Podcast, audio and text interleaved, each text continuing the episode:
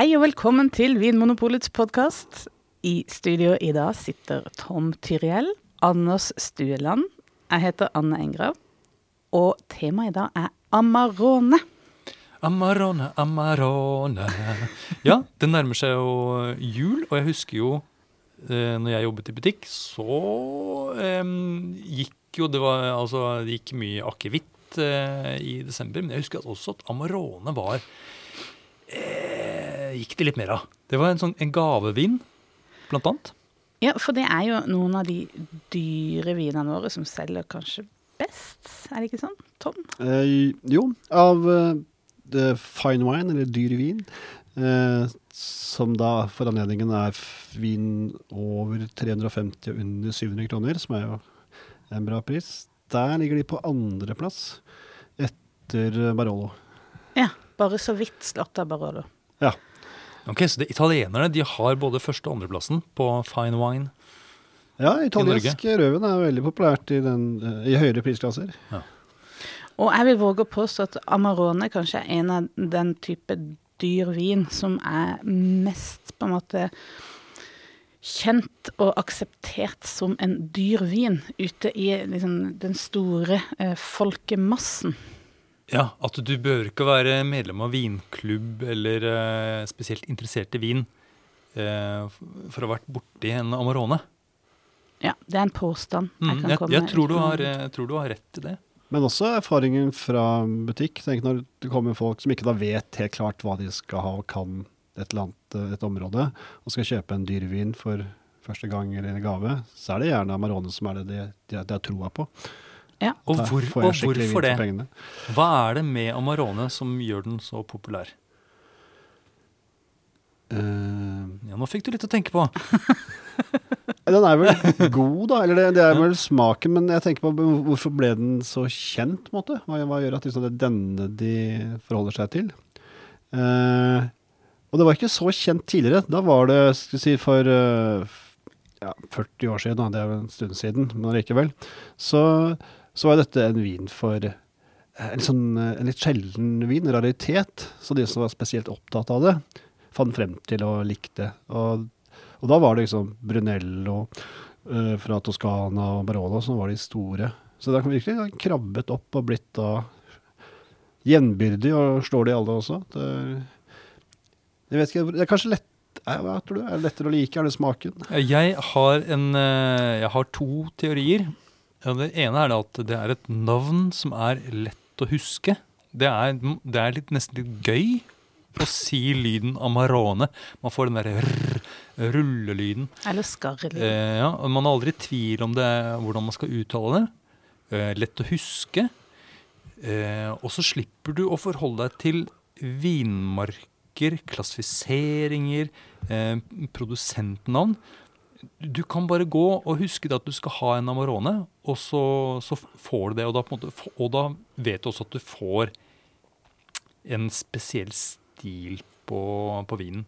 Litt som champagne, på en måte. Mm, eh, nettopp. Litt som champagne. Og så tror jeg også at hvis du skal på middag et sted, eller du skal gi bort vinen vin som gave, så kan du være ganske trygg på at mottakeren, eller de andre som er på middagen, de har også hørt om Amarone. Sånn at det gir eh, en sånn eh, eh, Lett for andre også å liksom sette pris på den vinen du kommer med. Fordi mm. de også kjenner til Amarone. Også min teori nummer to er det at det er en vin som har en eh, produksjonsmetode som skiller seg ut fra annen rødvin.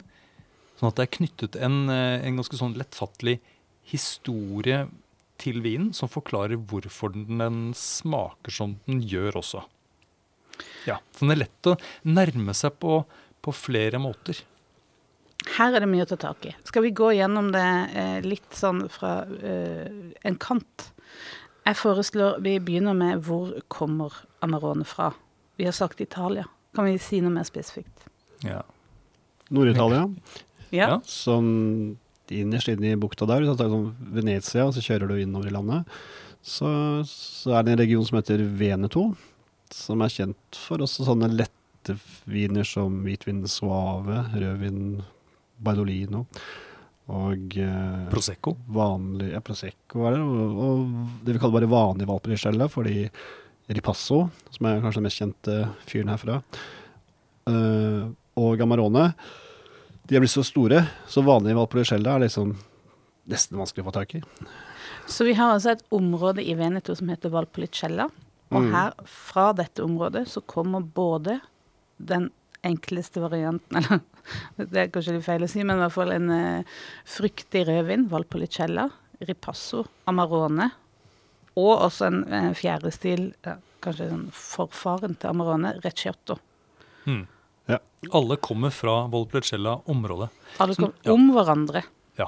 Som da ligger helt inn mot uh, Gardasjøen, som sikkert en del nordmenn har et forhold til. Begge dere to har vært der, Mm. i Amaroneland.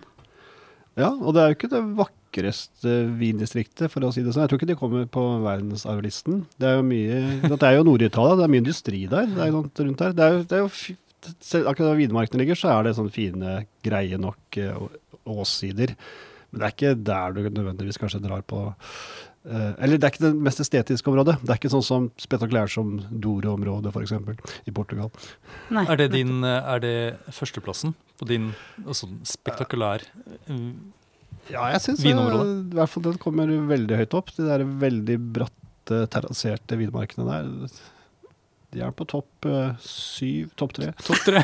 Enn du, Anne? Hva, har du noen favoritter? Ja, Doro kommer høyt opp. Og Ribeira Sacra, som er litt over samme lest, i Galicia, Spania. Mm. Ja, det er, eh, den ligger også på min topp tre-liste.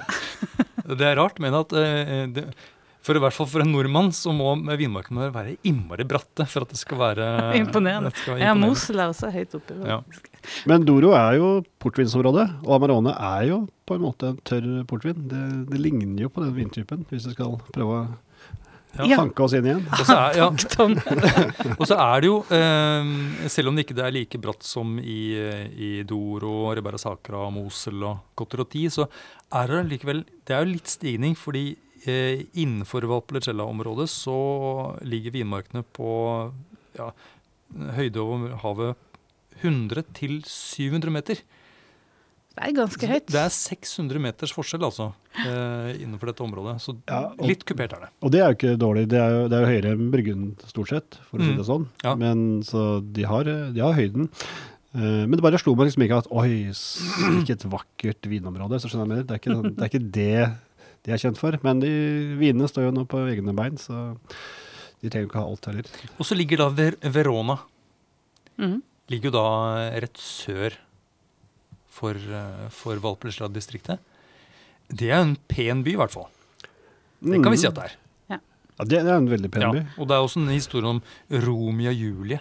Det er en pen historie. Det er også en pen historie. Eh, kan vi ta litt kort bare om disse fire stilene som Valpolicella er, er kjent for? Hva er det som mm, kjennetegner de? La oss begynne med Valpolicella, da. Ja, det er en eh, rødvin laget på en helt vanlig måte, som vi skal si at de andre ikke nødvendigvis er. Eh, en ganske lett og fruktig stil, med en sånn litt sånn kirsebær-mandelbitterhet, som man ofte sier. Eh, eh, delikat eh, salat sommer-lunsjvin. Eh, det er den. Mm. Vil du Ja. ta neste? Ja, og så har vi da Ripasso, som mange kjenner til. Og den er nesten litt vanskelig å snakke om før vi har snakket om Amarone. Men kan du ikke bare si Men nå, det har jeg først begynt, så da, kan, så da må jeg nesten avslutte. Fordi saken er at eh, når man lager en ripasso-vin, så lager du først en vanlig Valpolicella, sånn som den som Tom snakket om. Eh, men så bruker du restene av Amarone-produksjonen, eh, som da er bare en sånn graps. Ja. Som, eh, hvor på en måte Amarone-vinen er helt av. Så det er bare det som ligger igjen i Dru, bunnen. Ja, eller det som tilsvarer da kaffegrut, nærmest. Men også vingrut. Ja. Og så heller man da eh, den vanlige Valpolicella oppi disse tankene med Amarone-restene. Og i Amarone-restene så er det fremdeles eh, litt grann sukker. Som gjør at du får en ny gjæring, og da ender du opp med vin som har litt eh, mer alkohol enn vanlig Valpolicella. Men du får også noe aroma fra eh, Amarone-restene. Fordi Amarone er jo laget på tørka druer. Så du tar altså pimper opp Valpolicellaen din? Ja, du pimper opp Valpolicellaen. Eh, mm. Eh, og Koke litt på en måte, du, Er det som å koke kraft? Nei, det blir, det blir feil Du igjen. kan si at vanlig valpelskjella er på ferske, unge druer, og Amarone på tørkede druer. Og så tar du blander de to i en prosess, så har du en, nei, så har du en eh, ripasso. nettopp. Ja. Da sa jeg nesten resciotto, og Ja. det, For hva er det? for det er jo uh, Amarones mor eller far, uh, Recciotto della Valpolicella. Så den startet jo egentlig som en uh, søtvin. Og det, dette er en vin med en lang historie, tilbake til romertiden 400-500 etter Kristus. Og eh, det, da på den tiden her så var det veldig gunstig å lage også søte viner. fordi de, dette ligger jo litt inn i landet, og de skulle jo selge denne vinen. Dette her er jo et område for handelsmenn langt tilbake i tid. Og for å frakte de da inn til, ut til, Veneto, nei, ut til Verona eller til eh, Venezia, så er det mye lettere, mye mer holdbar enn søt vin enn en, en sånn type Valpolicella som de lager i dag, som, eh, og som er teknisk vanskeligere å lage også. Nettopp. Så det er en søtvin lagd på tørka druer. Ja. Og det er ikke så uvanlig. Det, det, mange av de kjente søtvinene, sånn som Tokai og sånt, og tysk Trockenbeerenauslese, er laget på dette. Men det som er helt unikt med Amarone, er at dette er jo da en tørr vin laget på tørkede, eller da delvis tørkede druer. Så man kan si at det er en recciotto som har fått gjæra helt ut, sånn at det er blitt en tørr recciotto. Det var, det, det var sånn det skjedde, som, som andre ting. Antageligvis ved et uhell, på en måte, at den bare fikk gjære lenger enn normalt. Så sånn, Spesielt tenker- god gjær som hadde fått lov å Ja, utfolde det, med så mye sødme så skal den være ganske effektiv for å kunne klare den jobben også. Nettopp. Så det, ja, så, så uh, Du snakket om Recioto, altså denne søte, veldig intense uh, rødvinen. Som da var populær allerede sånn Altså, romerne eh, digga dette her. Og så var det ikke før på 50-tallet, altså 1950 omtrent, at, at de begynte å lage Amarone kontrollert, i hvert fall. Stemmer ikke det? 1938 tror jeg var det første dokumenterte tørre Reciottoen som den da ble omtalt som. Ja, Som da var dette fatet, eller liksom hvor ting hadde gått litt galt, eh, på en måte. Ja, og så først i, i 60, 1968 så kom de inn i det da italienske vinlovverket. Ja. Så relativt nytt fenomen. Og det, Ja, det, er en moder, det er egentlig en moderne vin. Eh, med, altså Ja. Mer moderne enn eh, en Prosecco, f.eks. ja, den kom, ble ikke liksom definert som en egen vin før i 1991. Nei. Og da kom den først på polet i 94. Ja, men kanskje de skammet seg litt. Eller tenkte de kan ikke selge den. da, For jeg har hørt at de drakk den Den var tilgjengelig allerede på slutten av 1800-tallet. Men at de bare da drakk den lokalt. Og tenkte ok, den, den, den Gikk jo dårlig med, men vi, vi er nødt til å gjøre noe med den, så vi får ta den i gryta eller drikke den selv. Uh, så er det vel ja, 38, så kanskje den første dokumenterte. Og på 50-tallet så begynte de å sette det på etiketten. Uh, og gjerne da sammen med Regiota, At det sto både Regiota og Amarone på samme. Og jeg tror det var 91 så ble den skilt ut og definert som en egen vintype. Så 1991. Ja. Det er bare, kom- bare 30 år siden, tenkte jeg. Og når kom den på polet, da? Eh, jeg tror det første er rundt 94. Så det er det første jeg har sett i listene våre. Da kom det én flaske som ble lansert. I forbindelse med Lillehammer-OL. Det må det ha vært, ja. Italienske landslaget, de, var, De de måtte jo ha tilgang på gikk noe vin. sikkert på, på Amarone. Men det ble altså da Nå er det ikke noe å skamme seg over lenger, for nå har jo den fått den øverste hedersbetegnelsen som en sånn DOCG, som er liksom det beste sånn kvalitetsstempelet man kan gi fra uh, italienske staten. Ja, Ja, nå er de på toppen av pyramiden. Ja. Og, det, og DOCG-status fikk de da i 2010. Ja. Så det er jo ikke mer enn ti år siden. Nettopp. Men eh, skal vi gå litt mer inn på denne produksjonen, da, som er litt spesiell? Hvordan eh, lager man en Amarone? Hvordan går man fram som en Amarone-dyrker? Eh, man, man høster egentlig ganske normalt på høsten, og det gjør ikke noe spesielt med druene da. Man kan tørke druene på vinplanten, men det gjøres ikke her. Det er noen sånne stilvalg produsenten kan gjøre. Noen høster tidlig for ikke å få fullt så modne druer, For nok sukker får du gjennom tørkinga senere. Eh, men noen også husker, høster helt fullmodne druer. Og da Ja, nettopp. Ja, fordi jeg bare leste at det minstekravet er 11% potensiell alkohol, som det heter. At uh, du må ha såpass mye sukker i, i druene at du skal kunne gi 11% i den ferdige vinen. Og det er jo uh, ikke spesielt modne druer, sånn i moderne vinproduksjon i hvert fall. Eh, det er det samme kravet som gjelder for vanlig Valpolicella. Der også må druene ha minimum nok sukker til å lage 11% alkohol. Så det er ikke sånn at du, du Regelverket krever i hvert fall ikke at du må ikke ha noe mer modne druer enn for en vanlig Valpolicella. Men det er interessant det Tom sier, da, at eh, noen velger da å la druene bli mer modne for å få For det endrer jo litt av eh, smaken på vinen, skal jeg tro. Ja, for det er jo ikke bare snakk om eh, sukkermengden, som er viktig her også, men du får jo da litt mer umodne, grønne, lyse, fruktige ting når du høster druene tidlig som regel. Så går det over mot den der mørkere bærfrukt og mer moden tannin og en glattere munnfølelse. Så det ligger noe der også. Så Den glattheten kan de også få, eller komme gjennom botrytisten, som vi kanskje skal, snart skal inn på, altså edelråtepreget.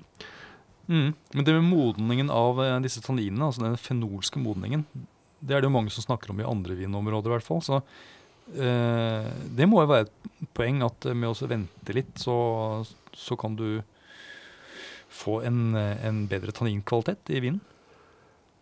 Uh, ja, helt, helt klart. Men så må du da avveie da, mot uh, hvor mye alkohol, hvor mye fylde vi har. Ja. Mm. Så det er en balansekunst her også. Og så er det også dette her valget man må ta om å våge å la For det, det er på en måte to hovedstiler da innenfor eh, Amarone-vin, hvis man kan si det litt sånn grovt inndelt. Og det er de som velger å ha en del sånn botrytis eller edelråte på druene, og de som velger å ha minst mulig. Mm. Men det skjer vel ikke Skjer i det i vinmarka? Nei, gjør det det? Jeg trodde det var noe som skjedde i, inni tørkehuset. Vet du det, Tom? Um, men de tar det vel med fra vinmarka, at mengden botrytis allerede da At de fins på på, men, men tror, er de allerede hårete når de Nei, nei, nei, det er de ikke. De er helt uh, glatte og normale som uh, vanlige druer. Ja, Uh, og en annen ting som er viktig for de fleste som høster, for ikke å si alle, er jo at de bør være tørre. Fordi når vi sier edelråte, så er det det de er veldig redd for, er den andre type råte, som ikke er edel. Så det de bør helst ha en par gode solskinnsdager før de skal høste druene. ja, ok. Så regnvær eh, det er ikke eh, noe bra for å høste inn til Amarone-produksjonen. Nei, da må du i hvert fall bruke mer tid eller maskiner som du bruker på å tørke druene enda mer, og det vil de helst unngå. Og da plukker de ikke Altså, de kan jo ikke plukke eh, drue for drue. Det må være intakte drueklaser som, som sendes inn til, til produksjonslokalet, ikke sant? Ja, de legger druene i små kasser, og de kassene kan man enten da ta rett inn på disse tørkelagerne, eller så legger man de over i mer sånne rektangulære hyllesystemer på en 8-10-12 hyller, én ganger to meter ca. Eh, og en annen ting som er viktig her også, fordi når de skal ligge der, så må det ha en viss luft, luftighet i drueklassene. Det, det er veldig viktig. Eh, og det kan hende at det, hvis de venter for lenge også, så blir drueklassen antageligvis tettere. Du får, sant, du får større, større druer og mindre plass mellom bærene. Så det kan være en idé. Og drueklassen er som regel også, i hvert fall på disse druene som brukes her, og kanskje generelt, så er det tettest den nederste delen. Og en av topprodusentene tar seg faktisk den friheten, og selvfølgelig også den prisen, at han da kutter av den nederste delen av druene, sant? som er da tettest, så får du den luftigheten her også. Så er sånn, høster bare halve klasen, og i tillegg skal den ha tørke, slik at 40% også forsvinner. Så det er en, en dyr prosess. Nettopp. Da tar kanskje den nederste delen til Valpolicella, da. Ja, det var lurt. Ja, Ja, det kan skal sende et brev. jeg. Har sikkert tenkt på det. De er ganske business-minded. Men eh, Ja, fordi hvis, han, hvis, eh, vi, eh, hvis klasene er for tette, eller at druene har, detter av eh, klasen eh, så altså For det første, hvis klasen er for tette, så, så blir det uønsket muggproduksjon, eller vekst. Ja, hvis det blir for tett, ja. Ja, og hvis, og hvis eh, druene ikke henger fast på klasen, så er det jo punktert, og da er det jo fare for at eh, du, at du får eddik da, at du begynner også å, å gjære allerede. Og det med de små kassene er vel for at ikke de skal knuse hverandre og sprekke, da, Ja. disse druene. Ja, nettopp. Og den, vi snakket om de fire typene vin herifra. Altså den regiotto, som er den søte varianten. Det sies at det ordet for den vinen kommer av eh, det italienske ordet for ører. Og det er for å si at den, de søteste delene av druene er den som sitter da øverst på klassen, altså ørene. Som er best egnet til Reggiotto. Nå ser jeg for meg drueklasse som et lite hode. Jeg pleier, å- jeg pleier å tenke på det som mer som, som Afrika. Ja. Eh, nå tegner jeg Afrika foran meg her. Så kutter du fra Kongo nedover. Eh, ja. Er, det kom- er det så langt ned? Ja? Ja, nei, jeg, Ja, kanskje, Jo, jeg tenker kanskje. at eh, Hvis man ser for seg Afrika, da, så er det da denne eh, biten som stikker litt ut eh, fra nord og Afrikas horn blir da veldig bra. mot, mot, mot vest. Ja. Ja. Mm, Det er liksom det som kalles øre på, på drueklassen. Da. Akkurat. Afrikas vel- øre, drueklassens øre. Så dette er jo også eh, krever litt eh, arbeid pga. at du kan ikke høste med maskin. Det må jo håndplukkes for å få det, Det må det. få det inn i riktig stand. Riktig stand. ja. Ja, fordi maskinene de bare rister De bare på rister. vinplanten, så da detter druene av. Eh, og da blir det bare Nei, det funker jo ikke. Det funker ikke. Nei. Så er de lagt inn enten i de kassene de kom i, eller over i dette stativet mm, med sånn hyllesystem. Ja, noen bruker plastkasser òg. Ja. Ja. Det er den, jeg vet at De som ikke har plast, eh, plastkasser, de ser litt ned på de som har plastkasser. Sier ja. nei, vi bruker ikke plast. plast. Ja, det blir fort sånn. Men uh, Men hvordan er forholdene? Har dere vært inne i et sånt et, eh, eh, tørkerom? mm, det har vi. Beskriv følelsen. ja, det var en, helt ubeskrivelig. ja, det var en stor opplevelse. Hjertet banker litt fortere. Nei, det, det er jo et um, ja, For der så var det et, et Det var et ganske stilfullt rom også, var det ikke det? Men disse, Det ser ut- ut som sånne kantinehyller, kanskje, som du setter sånne matbrett inn i. Ja, sånn som Sånn på Ikea. og sånn, det som står der, og så setter Ja. du inn. Bare at de er da, de større de kassene med hele tiden, og der ligger da druene oppover, og noen ganger på stråmatter, som er det tradisjonelle. Um, og så ha, hadde der vi var, så hadde de også en vifte de kunne bruke om nødvendig. Sant? Fordi tidligere så stolte man på den naturlige tørkningen. Man hadde dette på loftet, et sted hvor det var retning på bygget som gjorde at det ble bra med vind som kunne fyke gjennom og holde den eh, fuktigheten nede og tørke druene sakte på en god måte uten at de ble råtne. Mm, de hadde vel til og med eh, mange av disse tørkehusene plassert litt sånn høyt oppe på disse åsryggene, hvor det kanskje var litt, litt, mer, litt mer vind, og kanskje et klima som var litt bedre også. Men nå, siden de altså, sier de vifte Jeg husker at eh, den produsenten vi var hos, eh, skrøt veldig at det var virkelig høyteknologi. Eh, som styrte både temperatur og, og, og luftfuktighet, og også sirkulasjon da, i, i dette tørkerommet. Som så egentlig ganske sånn spartansk Det så mer ut som norsk hytteestetikk. Det var, det var, det var trehvitt overalt. Eh, bare tre i materialer. Men det var da altså en sånn en computer som styrte eh, hvordan liksom miljøet var inne i dette tørkehuset. Og det skulle da etterligne en sånn en ideell eh, tørkevinter, eh, slik det var i gamle dager. da. Mm. Sånn som jeg forsto det. De som bruker vind gjennom vinduene, de ser litt ned på de som har sånn computer. Nei, men sånn at det var, jeg tror ikke det var et poeng for dem at det skulle være at, eh, at det skulle være helt likt gjennom hele tørkeperioden. Jeg tror det skulle være noen form for variasjoner, men de skulle i hvert fall ha kontroll på det. Ja, for Ja. Før så man ikke hadde muligheten for tekniske hjelpemidler, så mistet man i snitt sånn én av tre eller tre av ti årganger. Så det, Hele- så det er jo risikabelt, ja. At de, de rett og slett uh, tørkingen gikk feil, og at de ble råtne i stedet. Så, så man skjønner jo det med de prisene og det volumet de produserer, at de er nødt til å hjelpe litt til innimellom. Ja, det er litt nedtur. Ja, det er litt nedtur. For det, poenget er ikke at disse druene skal bli helt innskrumpa som rosiner vi kjøper i butikken. Nei, du må jo ha litt uh, saftighet eller væske igjen. Så rundt 30-40 eh, av væske forsvinner, hvilket da gjør det selvfølgelig mer konsentrerte, både på smak og aroma, men også ikke minst på sukkermengde. Nettopp.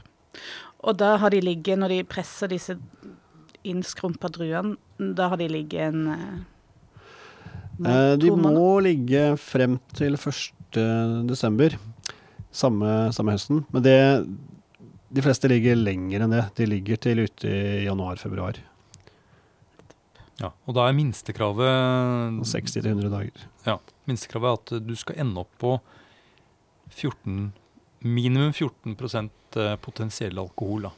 Så hvis du starter med druer som har potensielt 11% så må du tørke såpass mye vann ut av druene at du sitter ned med at du har eh, nok sukker til 14% minst. Akkurat. Ja. Og hvis man har botrytis, eh, hvis man velger å lage vin med mye botrytis, vil det påvirke alkoholnivået til slutt? Eh, botrytis eh, gjør jo at fordampningen går eh, litt raskere. Mm. Eh, botrytis eh, spiser også litt syre, faktisk, i, eh, i druene. Sånn at du får jo mindre, du får mindre friskhet, egentlig. Eh, og i tillegg så øker jo mengden med glysterol i, i druene når du har botrytis. Så du får en litt, eh, litt eh, høyere viskositet. Altså litt sånn mer Ikke tyktflytende, det blir feil å si. Det blir ikke akkurat sirup, men det, altså det, Litt olje. Litt mer olje. Mm. Og I tillegg så gir det noen spesielle aromaer også, disse botrytis-soppen. Som kanskje mm, du som hører på, har smakt når du har smakt på f.eks. sautern eller, eh, eller tokaier, som Tom nevnte. Det er litt lettere å smake, syns jeg, i hvite viner eller søtviner. For da er det liksom tydeligere den der marsipanpreget og det. Men, Ja. men hvordan syns dere det viser seg sånn aromatisk i en Amarone? Hvis det er botrytis? Eh, jeg tror den der glattheten som Anders snakker om, den litt sånn oljet eh, munnfølelse, som jo kan gi inntrykk av at vinen er søtere enn den er også. Eh, og her er det tillatt med litt sødme. Man kan ha 9-12 gram sukker, som eh, man ser på andre viner også, men de fleste normalt så ligger rødvin på under 3 gram sukker. Eh, så kanskje det er den siden. Og I tillegg så kan også botrytis gi litt mer flyktige syrer, som gir en viss sånn type eh, hint av eh, noe eddiklignende. Sånn som det lukter på balsamico. Det husker jeg Første gang jeg luktet på Ameronen, tenkte jøss, dette lukter jo balsamico. Så, eh, så det, det, det, noen av- stilene er veldig i den retningen. Så man kan tenke litt jøss, det kan være en feil, og det kan bli en feil. Men det er også et visst element av det er med spesielt når du velger å lage viner med botrytiserte druer. Eh, Men det skal sies også at flere har gått vekk ifra det, og skal så- sortere det bort helt eller delvis, og prøve å lage en mer moderne, fruktigere Amarone. Mm. Og Botrytis den tilfører også et enzym som heter oksidase, som bryter ned bl.a. Uh, altså fargestoffet i, eh, i druene. Sånn at du ender opp med en vin som stort sett er litt brunere på farge da, enn om du lager en vin som ikke er uh, botrytisert. Eh, bare for å presisere det. eh, 12, altså 9-12 gram eh, sukker igjen i, i vin, det gjelder all vin. Også, altså all Amarone, ikke bare de med botrytis. ikke sant? Mm, ja, det er sånn samme, Amarone- samme regelverk. Ja. Mm. Men Tom, altså, nå har vi snakket mye om botrytis-stilen. Er, det, er det den som er hva skal jeg si, rådende i området, eller hva er det som er eh, det mest populære nå? Er det med eller uten botrytis som gjelder? Ja, nå har jeg hørt at det er færre som lager den botrytiserte stilen. Eh, Jeg har ikke full oversikt over det, men det virker sånn det er eh, flere og flere som lager en med moderne stil, med fruktig vin. Det kan jo kanskje henge sammen med at de har fått så gode tørkecomputere som kan få en riktig gjennomstrømming. At de har mer kontroll.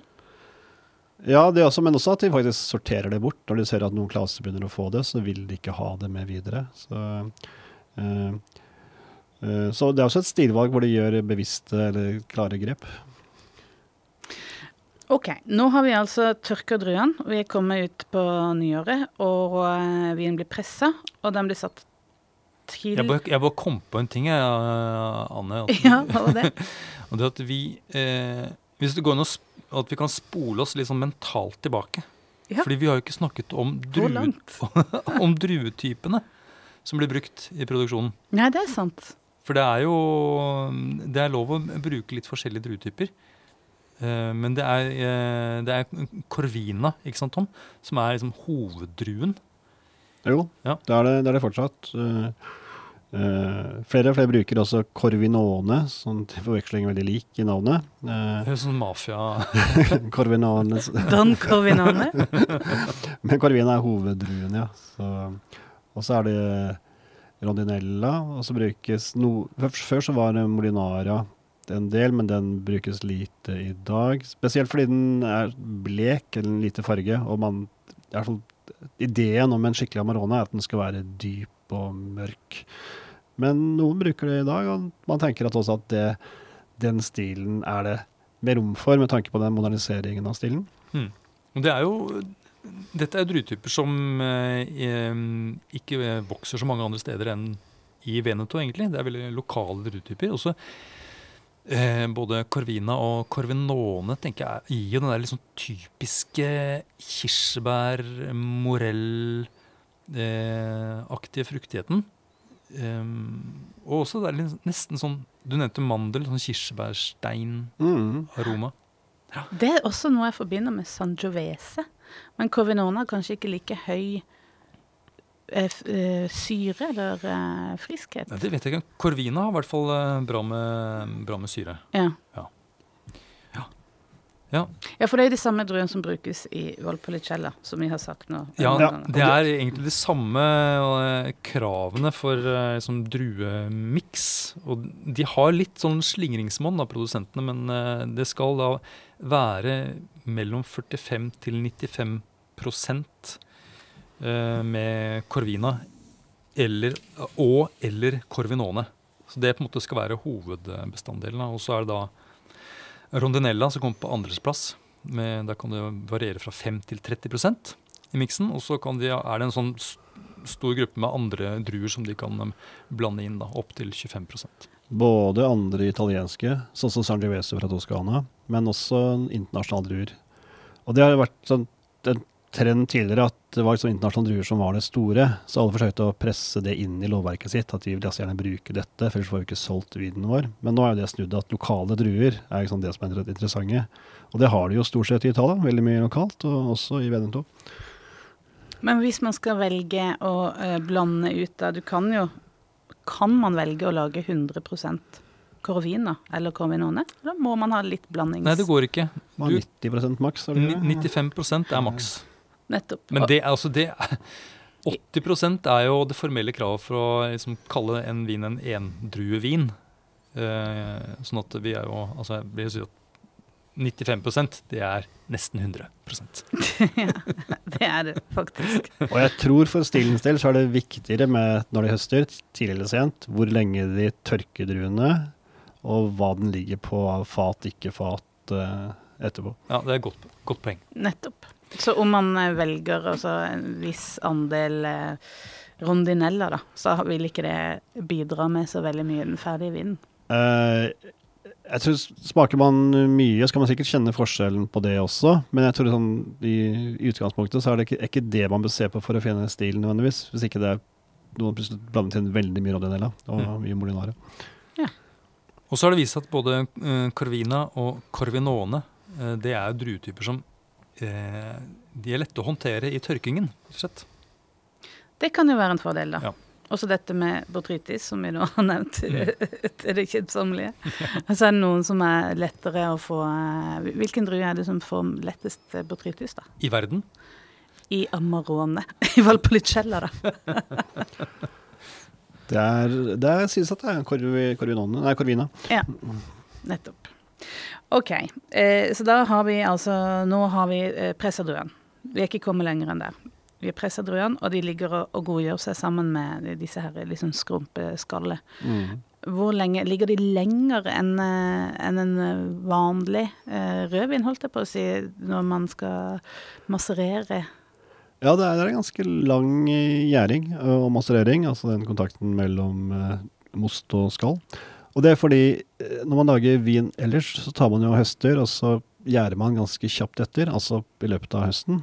Her venter man jo helt ut på vinteren, nesten midt på vinteren, og da er det mye kaldere, og da går det saktere. Mm, det er en god forklaring. Og så er det mye høyere sukkernivåer i mosten, så det er liksom tøft for jæren. Det også, ja. Ja, Man skulle tro at, liksom at jæren bare syns det er helt topp, at det er masse masse, masse sukker. Men det er faktisk sånn at den blir litt stressa. Det, det mye å jobbe med, holdt på å si. Med, Det er som med mennesker, det er greit med et par, eh, par godis, liksom, men når dere får godis hele dagen, så Ja. blir det litt mye. Men- Bare se på mennesker i en buffé. ja, men, men apropos gjær, da, siden det er eh, hva skal jeg si, sånn krevende forhold for gjær, er det sånn at eh, er det vanlig å spontangjære Amarone? Altså bare stole på at gjær som finnes i produksjonsutstyret eller i kjelleren, klarer å gjøre jobben på egen hånd, eller er det vanlig å tilsette gjær? Eh, Det er vanlig å tilsette. Eh, og da tilsetter de som regel ting de har kultivert selv. Sant? De vet at de har noen type, sånn som en gjærtype som heter bajanus. Og eh, den klarer høye alkoholverdier. Eh, et annet problem med å bruke den gjæren som er naturlig til stede, er at man produsenter sier at det lett blir det man kaller sånn stuck fermentation, at gjæringen stopper opp. Og da kan eh, fort få en del litt ufine, svovelaktige, reduktive ting og sånt noe, og også mer eh, eddiksyre i vinen. Så da går det litt galt. Så det er sånn viktig å holde dette her kontinuerlig i gang, og da velger ofte folk, produsenter, gjærtyper som de da har vet eh, funker, og som de da har sørget for å Ja, det er vel gjerne en lab i Verona, tror jeg, som eh, har fikset dette for dem. Og så er vinen uh, gjæra, og du er klar til å putte på flaske. Eller hva skjer da? da skal den lagres, skal dere si det. Da skal den lagres! Ja, med, mindre, ja, med mindre gjæringen da har eh, strukket seg utover to år. Å ja, du tenker det er en mulighet?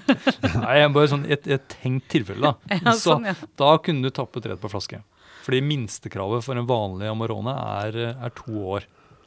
Men det er ikke noe Med krav lagring. til hvordan de to åra skal eh, Er hvilken type beholder du bruker? Ja. Nei da. Du, du bruker, kan bruke alt fra ståltank til eh, f- små, moderne franske eikefat. Eh, men også mye store fat. Det sies at Veneto er et av de vinområdene som har størst variasjon og eh, flest store fat i verden. Ja, Det er typisk at produsentene, i hvert fall de litt gamle produsentene, de har sånne kjempebottis. Eh, som er mange mange tusen liter. Eh, som kan være laget på bør ikke være eik eller det kan være kirsebærtre f.eks. Som har sånn nydelige eh, treutskjæringer på, på ende, endeveggen. da. Kanskje det er skåret ut liksom uh, datteren den gangen som liksom hvis det var uh, hun ble født det året fatet kommer. Altså, sånt, ja. Mm. Eller Dionysos. No, noe sånt, ja. Mm. Men det brukes mye slovensk eik fra Slavonsk. Slavonsk, ja. Ja. Som ikke er fra Slovenia. Slovakisk. Fra Kroatia. Fra ja, Slavonia. Slavonia er det, sorry. Ikke Slovenia. Men fra ja, Det er sånn tungegymnastikk. landområdet i, i nærheten. Ja. uh, og de kan eh, noen altså eksperimentere med disse nymotens gamle tingene, sånn som type terrakotta, amfora-ting. Oh, ja. Og jeg har også sett at en produsent har prøvd seg med marmor. Å, det er italiensk, da. Don Da Corvina. veit du at vinen iallfall ikke trekker til seg noen smak fra beholderen. Er det sånn Carrara Å, herregud, nei. Det syns jeg det er litt over kanten igjen. Ja, for det er jo kanskje det som har vært eh, kritikken mot Amarone. At det er litt over kanten. litt sånn, At det er litt mye av det gode.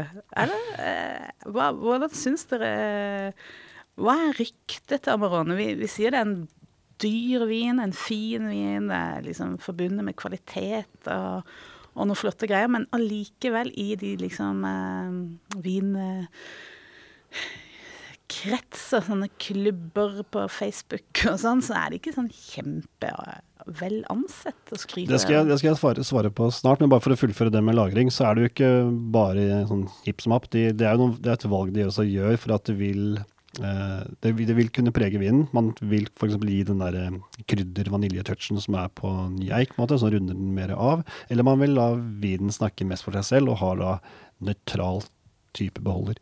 Og det er også kanskje en trend, hvilken retning, hvilke stiler, hvilke valg man gjør, da. Det, det, er det, det er det er nok. Så eh, Det og, ikke så, hva, hva som er trenden nå, det, det vet jeg ikke. Det brukes flere forskjellige ting. Man er både tilbake til det, til det gamle, tradisjonelle, og så er det fortsatt de som driver med barrikk, som er, som er, som sånn, det som gir mest preg på vinen av fatet. Det skjer titt og ofte at jeg smaker på Amerone som har en solid preg av, eh, av fat. For det er liksom mye kokos, vanilje og, og nellik. Og jeg tror jo det at en del Amerone-produsenter eh, har litt for å tenke at når vinen er dyr, så må den også smake mye fat. Eh, og det også kanskje er en forventning i markedet. Det kan virke sånn. Men, at det, er, det er, men det fins også de som ja, er mer sånn eh, fruktige og stramme og har mer nyanser fra, fra druene, og ikke, ikke fatet. Ja, det er flere stiler der, ja. Det er viktig å merke seg at Mm. eh, eh, ikke, ikke gi opp hvis du smaker Amarone kan- og ikke kanskje synes dette var hett i en stil. Det kan være hett at du har rett i at ikke er det, men prøv et par forskjellige i hvert fall. For det er ikke noen måte å se på etiketten hvilken stil det er inni flaska, annet enn kjennskap til produsent og Mm, nei, det står, det står jo sånn som reserva hvis det er lagret i fire år eller mer, men det står ikke hvilken type fat det er. Noen har det på baketiketten, men det, det Uh, lettere å slå det opp på enten produsentens nettside eller andre steder, så får du informasjon om det. Hvis det står sånn eh, Barque Nuevo på baketiketten, Ja, da vet du hva det er. da er det nok antakeligvis en del fatpreg. Antakeligvis. Men, men tilbake til spørsmålet ditt. Så jeg, jeg tenker To ting jeg syns er veldig fascinerende med Amarone. Det ene er at de, har, eh, de lager en tørr rødvin på tørkede druer, altså noe som i utgangspunktet var en dessertvin. Og det andre er at dette her er vinen som folk liker å hate. på en måte. Ja, Det er liksom det er sant. Det er liksom, Nei, den er altfor svær, den er altfor grov, altfor klumpete og type ting. Og så, samtidig så vet vi at den, det selges mye av den. Det er en veldig populær vin, og den har høy status også. Så det er en, en eh, omdiskutert, foraktet og elsket vin. Ja, for for meg er det ganske sånn eh, opplagt at den er en vin som folk elsker å ha. For jeg føler det er liksom sånn opplest og vedtatt. Men det er jo ikke Det kan jo være at vi er bare inne i en sånn bitte liten vinboble. Og at ikke det er liksom det som er den gjengse oppfatninga. Salget tyder jo på det, og man ser jo også det i diskusjonsforum her og der, at eh, det er ikke noe det er ikke så at alle går rundt og hunser denne vinen. Men det er kanskje fordi vi har vært igjennom en sånn periode med less is more, på en hvor sånn mest mulig hands off. eh, druene skal tale for seg selv, og gjerne den der ferske, rene frukten som skal være minst mulig behandlet. Og i det bildet så blir jo Amarone en anakronisme. Jeg tenker det med alkohol også kan ha vært med på um, å, å, å gjøre den litt upopulær da, i, i visse kretser. Og da tenker jeg da at ja, så amerikansk vin, f.eks., eh, på 80-tallet eh, var jo kjent for å ha mer alkohol enn mange av de europeiske eh, klassikerne. Eh, og det var jo veldig populært. Også etter hvert så var, det eh, liksom, var sånn bevis på at det, var, at det begynte å bli liksom vulgært. At det var mye alkohol. Og det var en, en litt sånn lett måte å, um, å, liksom, å plassere vinen. Du ser på etiketten og ser at det er mye alkohol, og da tenker man ah, nei, det er en sånn litt sånn uh, vulgær uh, alkoholpreget vin med mye sånn sødmefull frukt. Og så kan man se på en annen flaske hvor det står at den har 12,5 så Da tenker man nei, det er mer enn den klassiske europeiske stilen. Og jeg, kanskje at eh, Amarone har blitt litt sånn offer for den derre At man har snudd den der gamle amerikanske stilen eh, ryggen, så gjør man det også mot eh, Amarone. Og så er det også en sånn eh, noen, Mange vinlover har jo eh, det, eh, det i seg et sånt krav om at det skal være et minimum av alkohol. Ja. Eh, og mange kunder har jeg også sett se på etiketten for å se hvor mye alkohol det er på, altså i vinen. Og det kan være sånn tegn på eh, kvalitet. Og det, mm, det er også kanskje noe vinmiljøet har tenkt at eh, nei, vi, eh, vi, kan, vi kan liksom litt mer. Vi vet at det er noe mer enn bare alkohol som er et tegn på kvalitet. At, uh, ja. Jeg tenker også det har noe med rett og slett bare smaken å gjøre. At uh, den er så voldsomt og fyldig og nesten overtydelig. Sånn at det mangler den subtiliteten som man f.eks. søker etter i en burgunder. Og det skal sies også at i, eh, i blant Amarone-produsenter så er det også en uenighet. Noen vil holde på den gamle stilen, som er den mer er det, begge, det er ikke kanskje så mye snakk om fylde, men på denne rustikke stilen med delvis botrytis. Mens andre vil ha den moderne og fruktere, som da sier også er tilpasset mer eh, moderne livsstil, moderne mat. Jeg, jeg, vil si at det er en sannhet med modifikasjoner, for jeg syns ofte de tradisjonelle vinene med sin stramhet for meg passer vel så bra, om ikke bedre til mat. Men de også diskuterer dette her, og de kaller de modernistene de kaller den for regiotato, tror jeg. Den der gamle stilen. Og sier at Mhm. dette er for regioto-lignende. Dette ligner på den der søte vinen. Ikke bare med den sødmen, men også med den der balsamico-innslaget. Nettopp.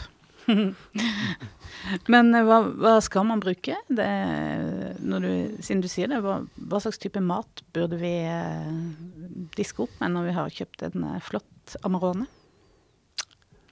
Ja, hva er dette her, da? Er det, er det flytende mat? ja. At det er mat, en måltid i seg sjøl.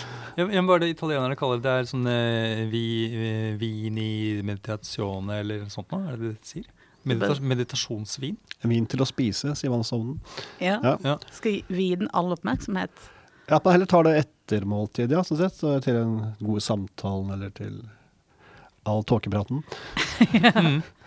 Men jeg tenker jo også at eh, til smaksrik, kraftig mat, Ja. så funker det jo veldig godt. ja, hva er det for noe? Jeg tenker sånn innkokt saus, sånn derre Hva heter det med eh, glass? Sånn veldig nedkokt kraft som er liksom smaksatt med smør og vin og Altså det er en sånn kraftbombe som man heller over noe muskelrikt kjøtt. Mm. Og kanskje til og med sødmefullt tilbehør. Om det er eh, lam eller vilt eller okse, er litt eh, Ikke så farlig, men at det er liksom Det smaker mye. Det er en litt sånn mørk og Vintermat. li søtlig eh, gryte Ja. med noe kjøtt. Ja. Mm. Um, og ja, vi, vi matcher ofte med tilbehør, som du sier. At hvis du har uh, fiken eller bakte epler eller svisker til, som til julematen, så vil jo den type ting fint kunne snakke med elementer også i vinen, for å si det på den måten. Uh, og Amarone har jo det. Det er jo tørkede druer. Den har den her både plomme, men også den der sviskefiken. Til og med så er det sjokolade, kaffe, bål og sånt noe.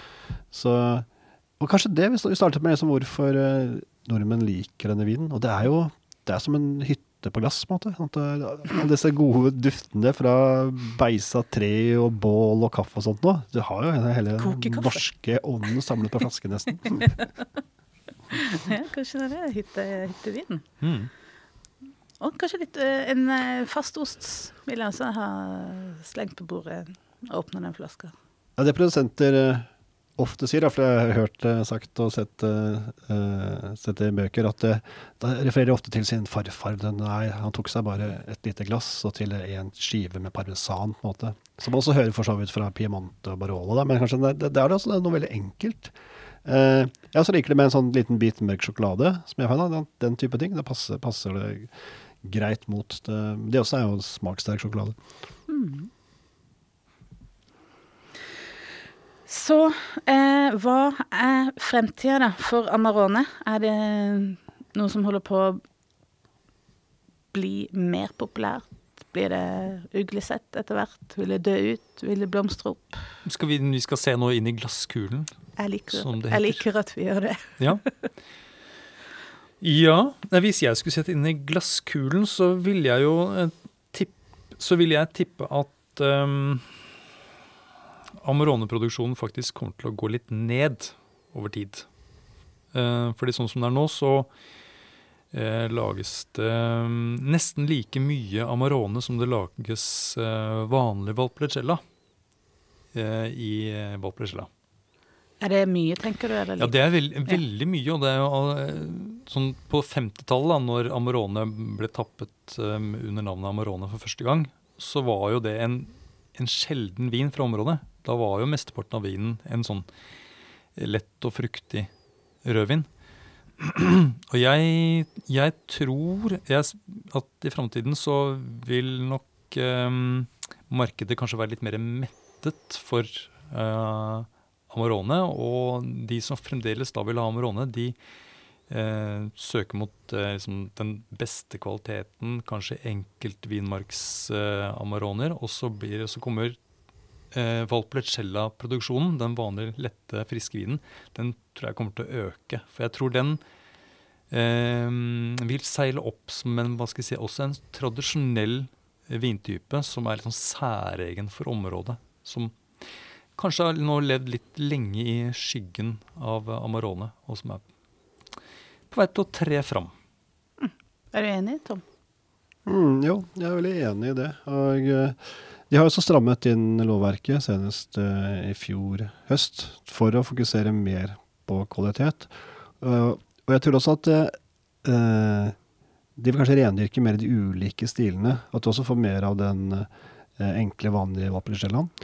Som jeg også produsenter har snakket om, der, at det også er de skal ikke glemme det. Det er en kunst å lage den type vin, og det ser vi jo ellers i verden. Men, og at eh, ja, man får kanskje se et større variasjon innenfor Amarone også. Med, vi gjør jo det delvis allerede, at de eh, lager enkelt vinmarksamaroner og definerer de ut ifra hvor disse tørkehusene ligger. De ligger høyt opp eh, på høyden eller nede i dalen, som gjør, gjør en stilforskjell. Så ja, vi kan jo håpe på det i hvert fall. At det gir større variasjon og bredde og høyere kvalitet. Og hvis det er noen som er interessert i å eh, lese litt mer om Amarone, så kommer det en eh, veldig fin artikkel skrevet av Tom Dyriel ut i Vinterens vinblad, som kommer nå i desember 2020, som vi kan anbefale. Så hvis ikke dere har noe mer på hjertet Ja, det er én ting, Ja, og det er at eh, nå nærmer det seg jul. Eh, og i de spesielle tidene vi er i nå, så er det lurt å dra på Vinpolet og gjøre innkjøpene gjerne før 15. desember. For eh, da er det ikke så fryktelig mange i butikken. det er et godt tips. Og bestill gjerne på nett. Det funker bra. Det har jeg gjort. Ja, jeg gjør det gjerne også tidlig i uka. Så ikke lørdag og ikke sent på fredag. Så spre det utover. Ja, det er sant. Takk for det. Takk for at du hører på Vinmonopolets podkast. Har du forslag til et tema i podkasten? Send mail til podkast at vinmonopolet.no. I tillegg svarer kundesenteret deg på e-post, chat og telefon.